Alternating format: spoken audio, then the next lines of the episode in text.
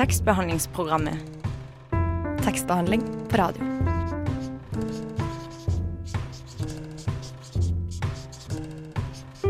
Tekstbehandlingsprogrammet.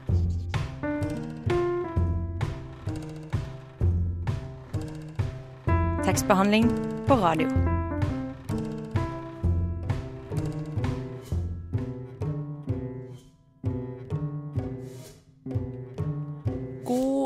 Onsdags formiddag og velkommen til tekstbehandlingsprogrammet på Radio Nova. Mitt navn er Marie Valestad, og med meg i studio har jeg Kim Kleve. Hei sann. God morgen. God morgen. Eh, vi har en eh, god og sammensatt sending til dere i dag. Vi har ikke gjest i studio, men vi har mange gjester utenfor studio. Mhm. Mm.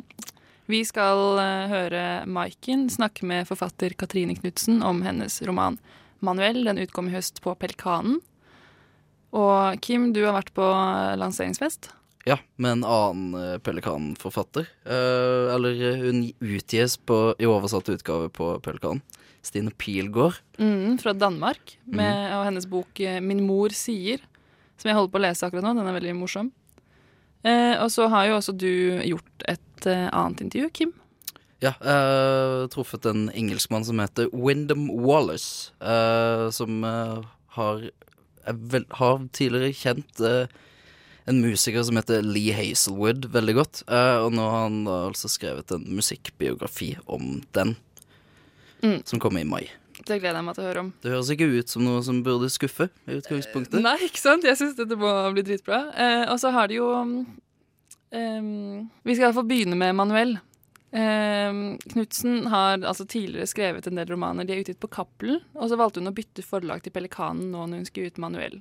Mm. Eh, og denne boka er eh, av Dagens Næringsliv blitt omtalt som eh, årets skarpeste roman i 2014, og at den setter ord på samtidskulturen i en uhyre presis roman. Eh, det tror jeg kan bli veldig spennende. Og Maiken snakker altså med Katrin Knutsen om hvordan hun har skrevet denne boka. Og det skal vi høre etter at vi har hørt første låt, som er til ære for kvinnedagen som er på søndag, nemlig 'Røda bønor' med slutt på rumbaen.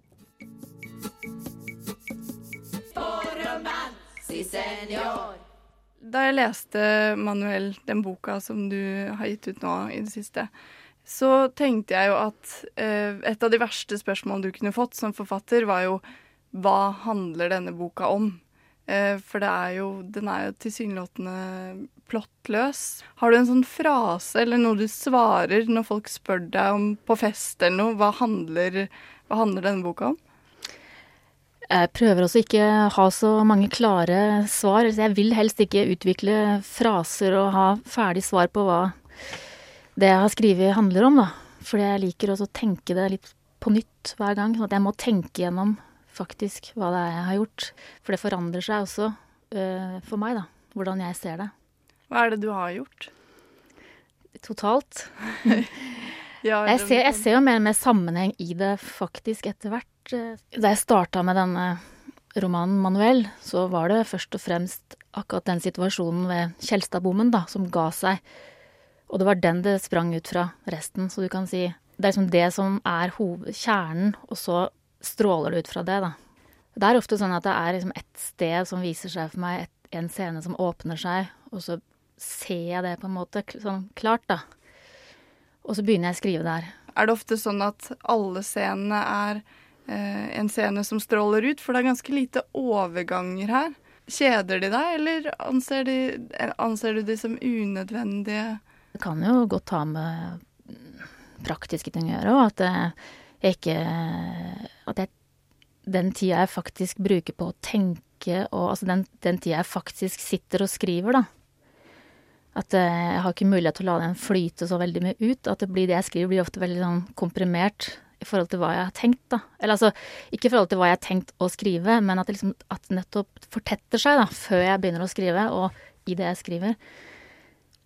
Men eh, det er også med det at når jeg skriver lengre, så Altså, jeg har jo stryket veldig mye her, og det, det blir gjerne det at det som jeg kjenner ikke er Ikke har den samme kraften som Da, da syns jeg ikke det skal være med, da. Du jobber jo veldig mye med det menneskelige.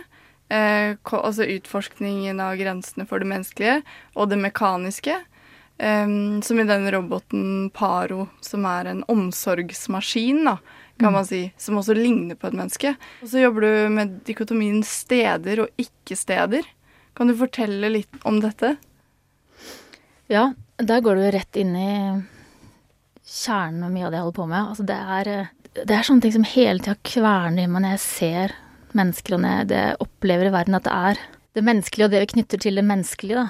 Det er så, det er så mye rart. Det, så, det, er, det framstår som så merkelig for meg, mye av det. Også det vi hele tiden prøver å skape som skal liksom etterligne, mime og overlappe det menneskelige direkte, da, som hele tiden disse substituttene og alt som vi tror kanskje skal eh, medføre en sånn større total andel menneskelighet, og så gjør det kanskje ikke det. Altså det er, det er grunnen til at jeg fortsetter å skrive om det, er jo nettopp fordi at jeg har ikke noe svar på det. Altså jeg, jeg har ikke noe sånn dom over det. Jeg har ikke en eh, Jeg skriver ikke for å si at det er feil, det er riktig, sånn og sånn, for det er nettopp en sånn Jeg ser hele tida hvorfor vi gjør det. Eller jeg ser jo at vi hele tiden prøver å skape oss et større rom, ikke sant. En mer frihet og avlastning og Samtidig som vi liksom skal ivareta alle aspekter ved menneskene rundt oss, da. Som, og samtidig skal vi være helt frie og helst ikke ha så mange belastninger. Når vi først skaper noe mekanisk, så vil vi eh, at det tilsynelatende skal ligne et menneske, eller ligne en hund. Er vel det denne faren da sitter og klapper på, eller noe lignende. Som, En sel, da. eh, ja. En, eh, ja, en sånn omsorgssel som Den finnes jo faktisk også. ja, Brukes fra rundt. Japan, omkring. Ja, den kom opprinnelig fra Japan. Mm. Altså nå brukes den eh, mange steder i Norge og mange steder i verden, da. Som, En omsorgssel. Et, Ja. eh, Den, det er et sånt hjelpemiddel for, eh, ja, for demente spesielt, da. Som eh, den skal liksom fylle et behov for nærhet og kontakt og holde ved like en slags tilknytning til noe levende i verden. Samtidig så, kan man, så skal den jo også være sånn helsemessig godkjent, holdt jeg på å si. Den må liksom være en ting. Bakteriefri. Ja, ja, ikke sant. Den skal være bakteriefri. Den skal være den skal være en, en bestanddel som kan inngå i det sosialhygieniske, forsvarlige livet i institusjonene. veldig Mm. rent produkt, da. I Mm. motsetning til det menneskelige. Prøve da å skille ut, ikke sånn bare Man skal bare ha Det skal være rasjonelt, det skal jo bare være positive egenskaper. Det skal bare være et tilskudd, som jeg skriver. Mm. Så da må, må den nødvendigvis bare inneholde det som er eh, på den plussida, det som man ser på som ønskelig. Det, som, det er det som er med Så det menneskelige er jo seg sjøl så veldig blanda. Så veldig ja, oppblanda med eh, ting man ikke vil ha, da. Og skrøpelig, og det er eh, Så da prøver vi da hele tiden å, å isolere det, de ønska egenskapene, ikke sant. Så man slipper å forholde seg til alt det andre, det menneskelige avfallet. Er det da den samme dynamikken som ligger bak eh, ikke-stedene, som eh, ligger i det ikke-menneskelige? Ja, så jeg ser det sånn at man prøver å skape sånn nye, rene steder, da. Mm. For du Um, nevner jo som et ikke-sted, da, Mm. så har du jo den her Kjelstadbommen. Mm. Um, at det er bygget på en slags ideologi. Ja, det- Ja, det er sånn egentlig det ultimate ikke-sted. Altså jeg bruker Kjelstadbommen her som eh, både som en slags stilisert eh, uttrykk, da, for et sted hvor det knapt kan finnes menneskelig eksistens, men allikevel gjør det. Og det er, det er naturstridig at det kan bygges et sted for mennesker, der det skal sitte mennesker i hver sitt boks, på en motorvei, hvor det i utgangspunktet ikke er lov for mennesker å oppholde seg. Det er bare mennesker inni bilene.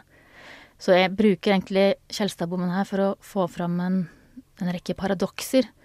Sånn, både om det menneskelige, om samfunnet, og også et veldig sterkt bilde av mennesker isolert fra hverandre, der de sitter i hver sin metallboks og skal utføre sitt arbeid, som egentlig er det samme arbeidet, bare i hver sin boks. Altså, det er mye som som for meg virka veldig sterkt ved det bildet, da.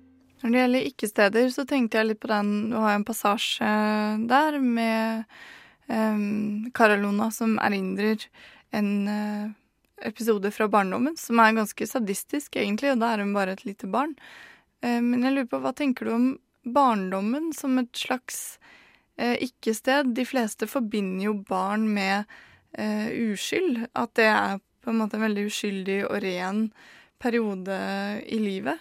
Ja, men du kan si at nettopp for det, det rene opptrer mye Altså alt opptrer sterkere og renere i barndommen, men da også ondskapen, ikke sant? Fordi at man har ikke eh, Det er jo gjennom barna ofte det synes. De har ikke lært seg å skjule det, lært seg å kontrollere det på samme måte. Så det er ikke sånn Den er ikke på samme måte gjemt bort, eller, eller altså kan si den er jo De lærer seg fort, og de skjønner jo at man skal skjule der også, men ofte så kan jo nettopp uh, sadisme og ondskap uh, opptre, opptre veldig sterkt hos barn, da. Eller de, de, kan lett komme til det, fordi at det, det gir dem det gir dem noe, uten at de kanskje skjønner det, da, så, så ligger det liksom til rette for det. Før de forstår sosialt at uh, man må late som ondskapen uh, ikke fins. Den må iallfall komme til uttrykk på andre måter enn sånn fysisk og direkte og det, tilfredsstiller noe. Det er jo til at da ondskapen og det sadismen og sånn egentlig er ganske knytta til noe genuint menneskelig, da. Du kan, Så, jo, du kan jo lese litt fra den passasjen. Ja. Da skal jeg lese noe fra, som foregår i, i barnehagen her. Altså da jeg-personen, da Kara Alona, hun har noen Det er noen få minner som dukker opp fra da hun gikk i barnehagen. Vi var omgitt av andre, jeg ser og kjenner alt så tydelig. Hvordan det var. Akkurat hvordan det var. Sklia, trekronene over oss. Det litt skyggefulle området nedenfor, nesten bak huset. Tett ved gjerdet var sklia lagt i en bakke. Ved barnehagens grense, like ved utenforlandet, der brennesle og ugress stakk gjennom den grønne nettingen, prøvde å komme inn. Og følelsen av å gå opp bakken ved siden av sklia, bak P, som strevde seg opp med sine gummibukser, bleierumpe, litt rundere enn oss, fremdeles babyaktig i kroppen, og den uimotståelige tiltrekningen denne kroppen hadde på meg. Jeg hadde ikke lyst til å være slem, det var ikke en slik følelse, det var noe større, for jeg så at han var søt, jeg likte ham, men samtidig var han en ting for meg, han var ikke helt barn som oss andre. Han var på en måte mer verdifull, han var fremdeles på et førbarnestadium. Han måtte ha mer omsorg, og dette suget jeg hadde i meg etter å måtte gjøre det mot ham, idet jeg hjalp ham med å sette seg på sklia, dytte til ham. Det må ha blitt utført umerkelig for andre, jeg må ha greid å gjøre det på en slik måte at jeg kunne fortsette og fortsette med det, uten noen gang å bli oppdaget. Det er ikke engang sikkert at P forsto det, kanskje han var for liten til å kunne forstå det, og antagelig var han en robust unge eller et barn som ingen ennå hadde gjort noe vondt mot, for jeg kan aldri huske at han gråt, og han fikk bare litt større fart enn han ville fått uten mitt dytt. Han landet litt hardere og bråere i bunnen av sklia. Hvordan det gjennomsyret meg, hvordan det kunne fylle hele meg når jeg lå og skulle sove om kvelden. Jeg drømte det inn. Akkurat det dyttet, akkurat den styrken den skulle ha, akkurat den motstanden mot den vesle kroppen den svake lukten av gummibuksa, støvlene hans, lua som omsluttet hele hodet med knyting under haka, rødfargen som la seg over kinnene når han lekte. Og det var som jeg nærmet meg et slags bristepunkt i denne følelsen, når jeg virkelig greide å tydeliggjøre akkurat hvordan det skulle bli, når jeg kom så nær den virkelige dyttingen. P foran meg, opp bakken, øyeblikket som nærmet seg på toppen av sklia. Han satte seg til rette, klar til å la seg gli utfor, jeg hjalp ham, jeg var snill mot ham.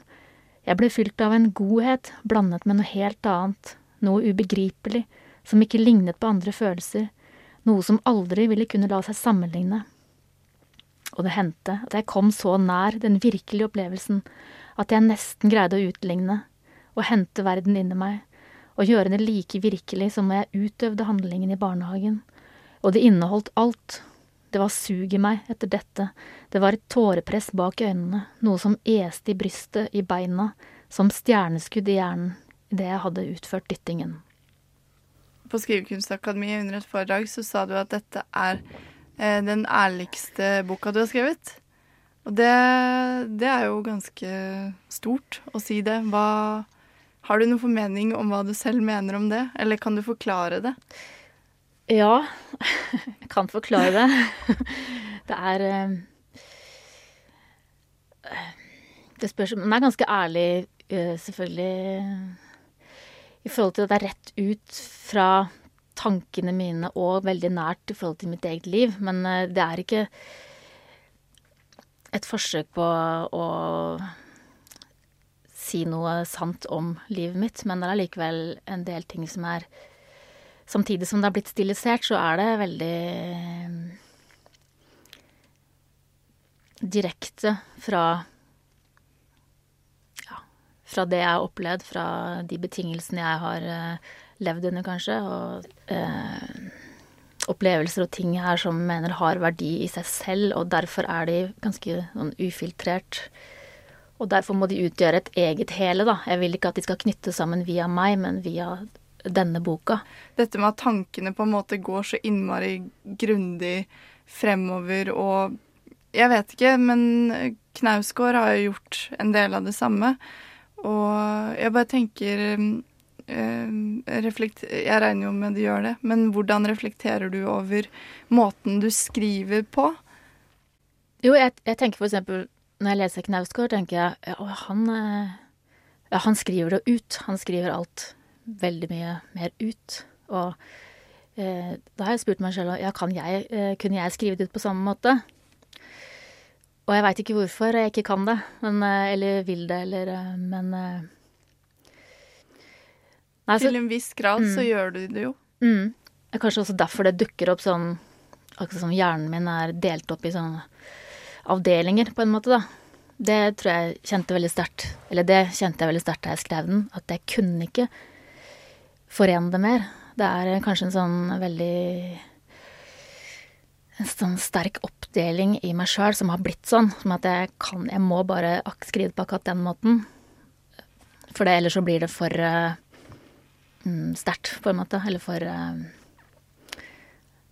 Jeg kan liksom ikke bryte ned de skottene som har vært mellom dette her, da. Tror jeg. Det er i hvert fall en teori. Jeg merka veldig godt da jeg skrev, at det, det var akkurat som som uh, Dette ble tatt fra forskjellige sånne isolerte steder i hjernen min.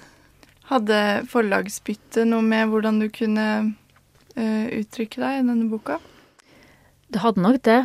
Jeg fikk den tilliten fra forlaget da, at uh, uansett så var det mest riktig sånn som jeg syns det hang sammen. At ikke det trengte å være noen som satt der og sa at Kanskje det burde være litt mer plott her, kanskje det burde være litt mer heng med sånn, for det Det har jeg nok eh, kjent litt eh, mer på før, da. At selv om jeg ikke nødvendigvis har gjort det, så har det vært der som en sånn litt sterkere krav om at jeg burde gjøre det. Så jeg har nok eh, tidligere måttet kjempe litt mer for hvordan det skulle bli. Tekstbehandlingsprogrammet når du vil lese med øra.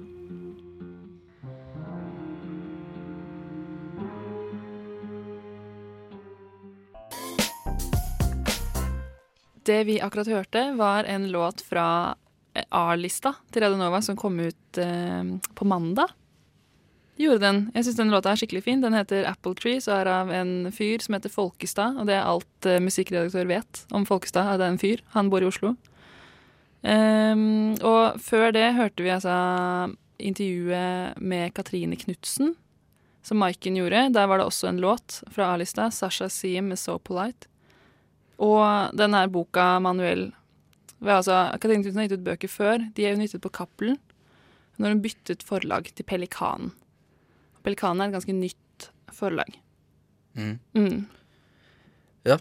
ja. Du um, Pelikanen forlag ble stiftet i 2010 av Carl Ove Knausgård. Ingen ringere ingen ringere enn Karl Ove Knausgård og hans bror Yngve Knausgård og altså Asbjørn Jensen. Og de gir ut norsk og oversatt sakprosa og skjønnlitteratur. Eh, og det forlaget sier at det er sin visjon, er at de ønsker å fokusere på bøker som de selv mener er verdt å publisere. Mm. Mm. Det er jo på en måte noe man gjerne tar for gitt at kanskje alle forlag gjør. Ja, men gjør de det? De skal jo tjene penger òg. Ja. Og det gis jo ut eh, veldig mange bøker på de største forlagene, så man kan jo på en måte ikke Prøvde du å antyde at eh, flere av de ikke nødvendigvis er så gode? Det er jo opp til den enkelte, da, men det er jo i hvert fall litt spesielt at de er så veldig At de liksom uttaler det så veldig tydelig, da. Mm. Knausgård har eh, sagt eh, at det skal handle om sannhet, erkjennelse og virkelighet. Som er ganske store, Store. store, dype temaer, da. Så det ligger jo an til å bli ganske store og dype bøker, Mm. vil jeg si. Eh, og jeg leste at eh, eh, med disse retningslinjene beveger forlaget seg i en helt annen retning enn de andre kommersielle norske forlagene, og at man kan kalle dem eh, i hermetegn høykulturens voktere. Hva Riktig. tenker du om det? Uh, det Altså, trenger vi noen som vokter den høye kulturen? Jeg, jeg syns det er litt vanskelig. Eh, kanskje, eller jo, for så vidt så mener jeg jo egentlig det. Eh, men ofte så føler jeg at den klarer seg selv. Men så lever vi jo dessverre i en tid hvor um, Nå vet jeg ikke helt hvilke politiske retningslinjer Radionova har, og hvor mye jeg har lov til å si om at vi har en blå-blå regjering. Eller at jeg syns det er et issue. Men eh, altså Nyliberalismen videre eh, er jo kanskje ikke de største fansene av snevre, vanskelige og ekstremt bra ting, som gjerne er en konsekvens av det. Eh, så kanskje det Kanskje høykulturen trenger voktere eh, akkurat nå, mer enn på lenge. Ja, det er jo litt, det er liksom ikke lov å si at man liker høykultur, så jeg kan se for meg at Pelikanen får noen At noen rynker på nesen av denne visjonen. Mm. Men eh, eh, ja, du, vi sa jo i stad at du har vært på en lanseringsfest til eh, Stine Pilgaards eh, oversettelse, Mm. eh, som Erlend Loe oversatt, som gis ut på Pelikanen. Mm. Og som jeg holder på å lese. Og eh, jeg vet ikke hva ditt inntrykk er, men det er jo ikke en veldig på en måte, Eller det er en veldig morsom bok, da. Den er jo ikke tørr i det hele tatt. Du, uh, nei, jeg har dessverre ikke fått lest den selv ennå. Uh, og så driver jeg og lurer litt på om jeg skal lese den på dansk, eller uh, om jeg skal lese den på Erlend Los oversettelse. Men uh, ja, hun Det er jo ikke nødvendigvis høykultur jeg tenker på eh, når det lille jeg har lest og fått opplest av den boka. Nei, altså fordi det, det er Den er en komisk skildring av en ung kvinnes kjærlighetssorg. Det er liksom eh, eh, Sitat. Mm. Hun blir forlatt av sin kvinnelige kjæreste etter tre og et halvt år. Hun flytter inn på sin fars prestegård, for han er prest. Mm. Eh, foreldrene hennes er skilt. Moren hennes eh, er også her, og det er jo derfor eh, boka heter 'Min mor sier'. Den moren sier utrolig mye. Og hun, hovedpersonen altså hun snakker i telefonen, drikker seg full, får dårlige råd av denne dominerende moren. Mm. Hun får velment coaching fra sin spinndoktorvenninne Mulle. Og så prøver hun å få en diagnose av legen sin, og hun føler at hun har en sjøhest inni hodet som eh, samler på hennes erindringer. Eh, så det er mye som skjer, da. Men eh, at det er eh, på en måte tørt, det tror jeg ikke er Vi kan jo faktisk få høre et utdrag som Erlend Loe leser opp fra sin oversettelse. Det kan vi få høre nå. Vi går fra dør til dør med innsamlingsbøssen som blir tyngre og tyngre. Når folk ikke åpner, går min mor bort til vinduet og ser inn. Hvis noen befinner seg på den andre siden av vinduet, smiler hun og vinker og peker på innsamlingsbøssen. Vi har kommet for å bekjempe kreften, roper hun og smiler. Min mor forteller en ung mann at hun nettopp har blitt frisk selv, og at dette derfor er en hjertesak for henne. Hun peker på det høyre brystet sitt. Protese, hvisker hun. Det er uetisk, sier jeg, mens han forsvinner inn etter penger. Folk trenger en personlig vinkel, hvisker min mor. Dødelige sykdommer er veldig vanskelig å sette seg inn i, det er så abstrakt. Den unge mannen kommer tilbake med 200 kroner, og vi blir invitert inn på en kopp kaffe. Han spør om min mor fortsatt har men etter sykdommen. Man blir jo aldri helt den samme igjen, sier min mor, og peker på hjertet sitt når man først har sett døden i øynene. Den unge mannen nikker forståelsesfullt. Han forteller at moren hans døde av lungekreft for fire år siden. Han snur seg mot meg og spør hvordan jeg kom meg gjennom det. Jeg kremter og ser mot vinduskarmen, hvor det står et bilde av en middelaldrende kvinne. Fantastisk, sier min mor. Du var en klippe gjennom hele prosessen. Jeg nikker. Mannen smiler til meg og sier at det er viktig å ha gode folk rundt seg. Der, der lå jeg, sier min mor, helt skallet etter kjemoterapien og fryktelig engstelig, og datteren min kom hver dag og oppmuntret meg. Hun ser kjærlig på meg, og jeg får en klar fornemmelse av at hun klart og tydelig husker ting som aldri har funnet sted. Mannen finner fram et fotoalbum og blir litt lettere til sinns mens han gjenforteller et par barndomsminner. Min mor nikker og smiler og spør, og mannen ser glad ut. Han henter et nytt album og forteller flere historier om kvinnen på bildene. Det er viktig å sette pris på moren sin så lenge man har henne, sier min mor og ser på meg. Ja, det må du huske, sier mannen og smiler til meg. Ja, det må jeg huske, sier jeg. Når vi går, omfavner min mor den unge mannen. Han smiler idet han lukker døren. Du er jo galopperende mytoman, sier jeg, mens vi drikker det siste av rosévinen. Sludder, sier min mor. Jeg var akkurat det han trengte. Min mor sier at sannheten er oppskrytt. Hvis man henger seg opp i detaljer, dør man av ensomhet, sier hun. Og det er nesten verre enn å ha kreft.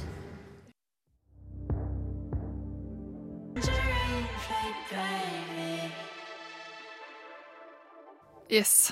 Der hørte vi enda en låt fra den nye A-lista. Den eh, heter eh, Tangerine Flake med Bo Rocca. Eh, og før vi hørte den, så hørte vi et utdrag fra Min mor sier, opplest av Erlend Lo. Hva syns du om utdraget, Kim?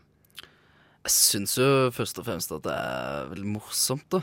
Um, Stine Pilgaard har jo åpenbart et såkalt funny bone. Uh, og du sa jo rett før at um, det ikke var nødvendigvis så tørt, uh, mens vi snakket om høykultur. Og da rakk jeg dessverre ikke spørre deg.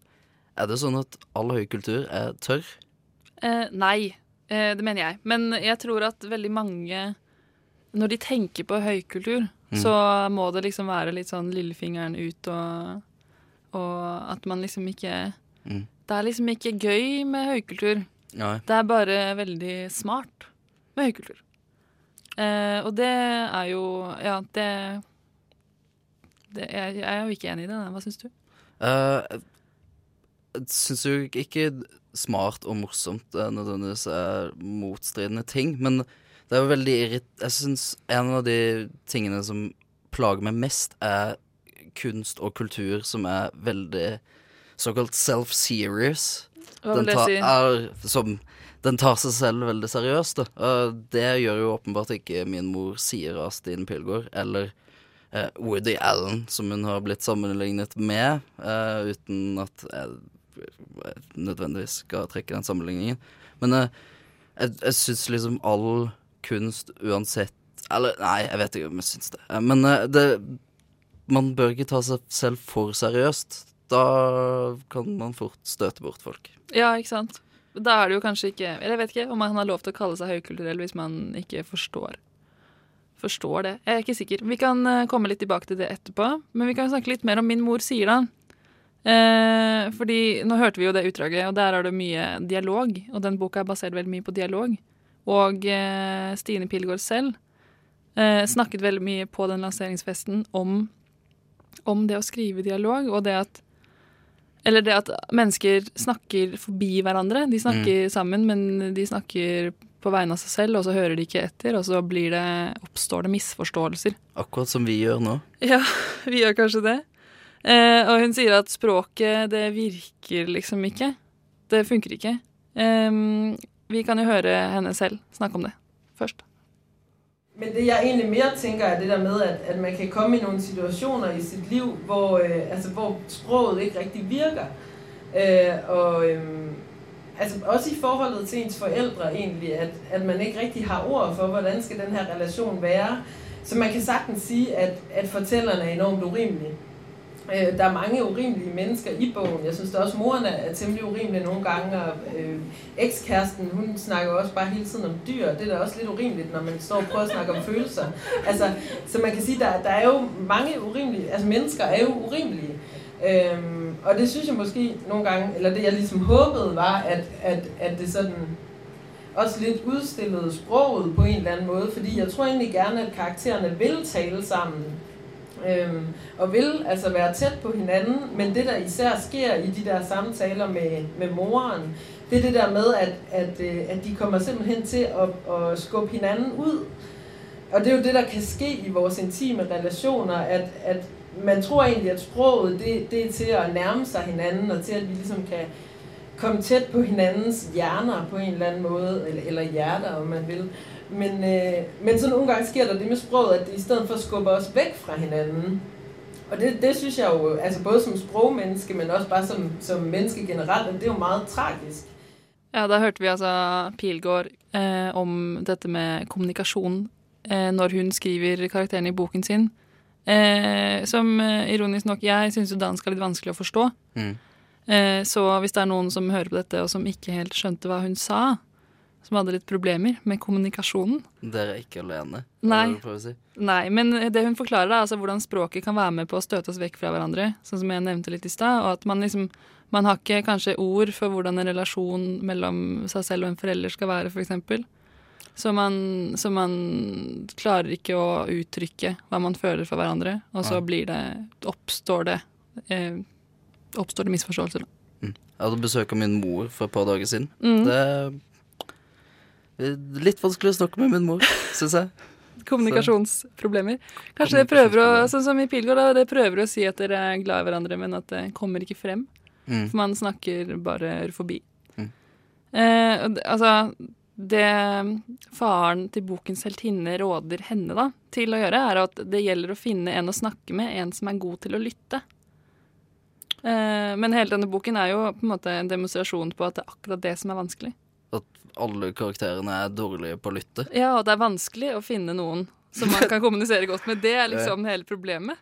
Ja. Um, vi kan jo få høre et utdrag til som illustrerer det veldig godt. Her snakker hovedpersonen og moren sammen. Stine Pilgaard leser, så man får bare forberede seg på dansk. Hun har akkurat flyttet inn i en ny leilighet, og moren kom på besøk, og de prøver å på en måte Jeg tror de prøver å vise på en måte kjærlighet for hverandre, men at det går ikke helt, da. Hvor er dine bøger, spørger hun. Jeg siger, at min sindssyge ekskæreste har taget dem som gisler. Har du ikke hentet dem endnu? Spørger min mor. Jeg ryster på hovedet. Du er ligesom din far, siger hun. Du får aldrig noget gjort. Jeg siger, at det er problematisk, at hun altid sammenligner mig med et menneske, hun har valgt at blive skilt fra. Hun siger, at min far er god nok, fabelagtig til at lave mad og meget hjælpsom. Hun mener, at han kan hjælpe med at hente bøgerne. Jeg siger, at jeg ikke overgår at være i den gamle lejlighed, at jeg ikke kan overskue at se min ekskæreste. Din far kan hjælpe dig, det skal nok gå, siger hun. Han har jo også direkte forbindelse til ham, du ved nok. Hun peger mod loftet. Her lugter og røg, siger min mor. Jeg flytter et par tomme ginflasker og åbner et vindue.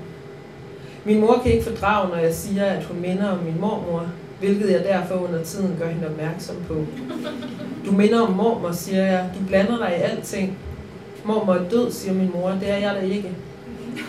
Flagene i blomsterbuketten blaffer svagt i vinden. Jeg siger til min mor, at jeg er glad for, at hun ikke er død, og jeg bliver bange for, at det måske er det sødeste, jeg nogensinde har sagt til hende.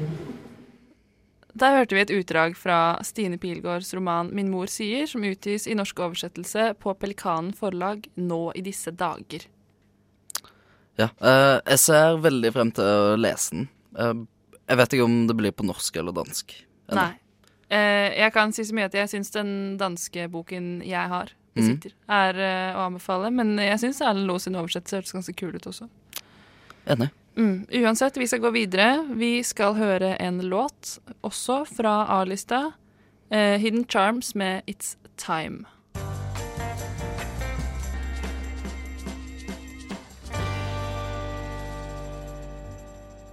Låta vi akkurat hørte, var nok en låt fra A-lista, 'Hidden Charms' med 'It's Time'. Eh, og nå i helgen så var det altså Det var mange såkalte kulturpersonligheter i byen. Krimfestivalen ble avholdt. Den snakket vi om for to uker siden her på tekstbehandlingsprogrammet. Mm. Og det var Bylarm. Eh, og eh, blant sistnevnte var journalist, Eller liksom på Bylarm var musikkjournalisten Wyndham Wallace. Som tidligere var manager for Lee Hazelwood i åtte år frem til hans død i 2007. Hva, og du snakket med Du snakket med han, du? Ja, jeg har eh, snakket og snakket med Wyndham Wallace eh, om både det å skrive mm, eh, biografier og også Lee Hazelwood. Um, vet du hvem Lee Hazelwood er? Nei, jeg gjør ikke det. Nei, ok. Eh, nei, for det er de, egentlig de færreste som har gjort det. Men eh, antageligvis så har veldig mange hørt uh, den ene låten han har skrevet av Nancy Sinatra, som heter 'These Boots Are Made for Walking'. Som jo er, syns jeg, en relativt irriterende låt. Men uh, han har skrevet masse flott musikk utenom det. Så da håper på en måte Wyndham Wallace at um, Som har vært veldig god venn med Lee Hazelwood, at kanskje denne boka kan hjelpe på det, blant andre ting. Um, så ja. eh, Ja. Den eh, heter da Den har fått den fiffige britiske, tørrvittige tittelen Lee, Myself and I. Da Her kommer den. As soon as I came up with the title, I thought it was probably about the best thing that was going to be, uh, uh, you know, in the whole book, because you know it's basically there's two times more about me than there is about Lee in the title, and there's definitely two times more about me than there is about Lee in the book, in certain ways. But really, actually, that what I wanted to do was write a book that was going to be about my relationship with the man. I'd been hugely touched by the friendship that we shared, and I wanted to to let other people know what that experience was like without it being a very dry historical book.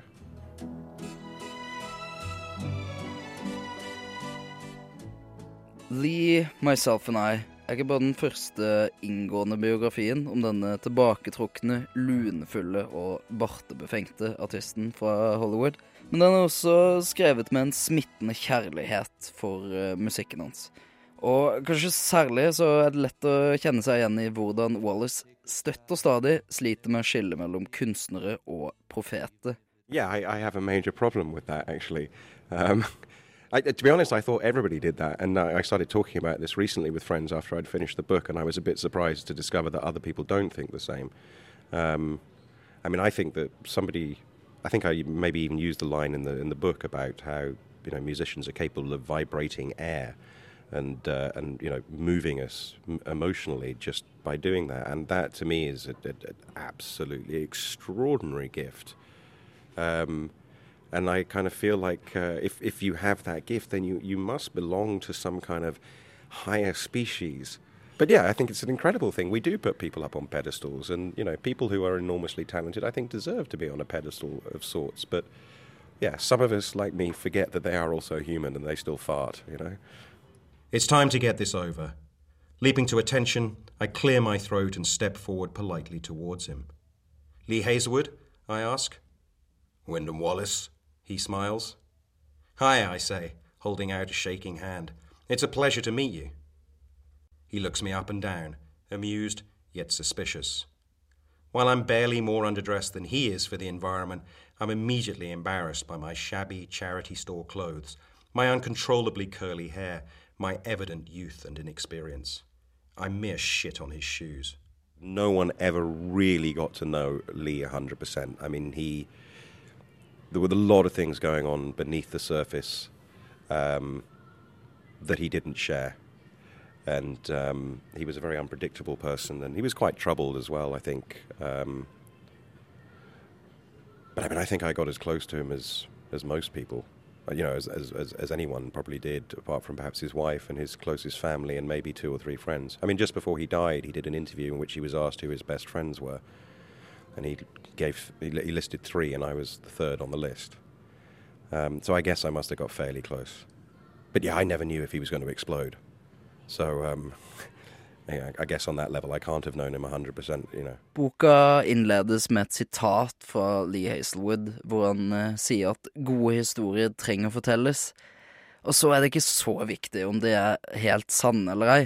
Og da kan det jo faktisk nesten virke som om Wallace forsøker å legitimere at han kanskje har tøyd og halt og dratt litt på sannheten her og der, for nettopp den gode historiens skyld.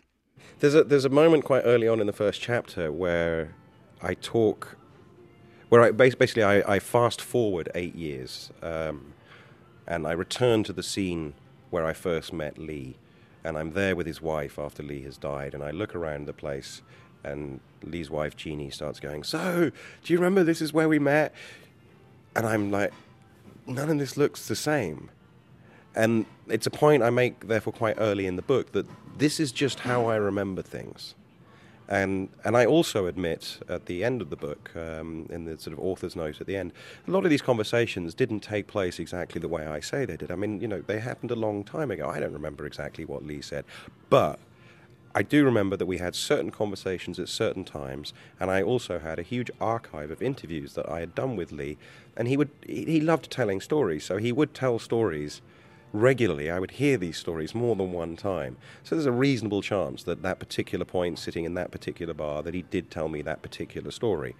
Um, I mean, I wonder how other people write write stories. I mean, is it, are we all? Is this is this lying? I don't know if this is lying. It's not. I don't think of it as lying. I think it's it's telling a story, and it's as close as I can remember to the truth. So it's all it's all a personal take. You know, that's again one of the reasons why it's called Lee, myself, and I. I mean, it's just my take on things. It's about what I saw. These aren't facts. These are memories. in the waking hours of some Da fikk vi høre en låt av uh, Lee Hazelwood, 'Cold Hard Times'. Mm. Mm. Syns du den var bra? Jeg syns den var fin. Jeg Det likte den veldig bra. godt. Jeg liker nå skal du si det, jeg liker uh, 'These Boots Are Made for Walking' også. Ja, jeg syns ikke den er så ille, men uh, får litt uh, uh, Cat in Nei, Puss in Boots. Uh, at, uh, ja, jeg får begynne å tenke på Puss in Boots. Å, det syns jeg var en hyggelig assosiasjon. Ja. Men vi må avslutte sendinga.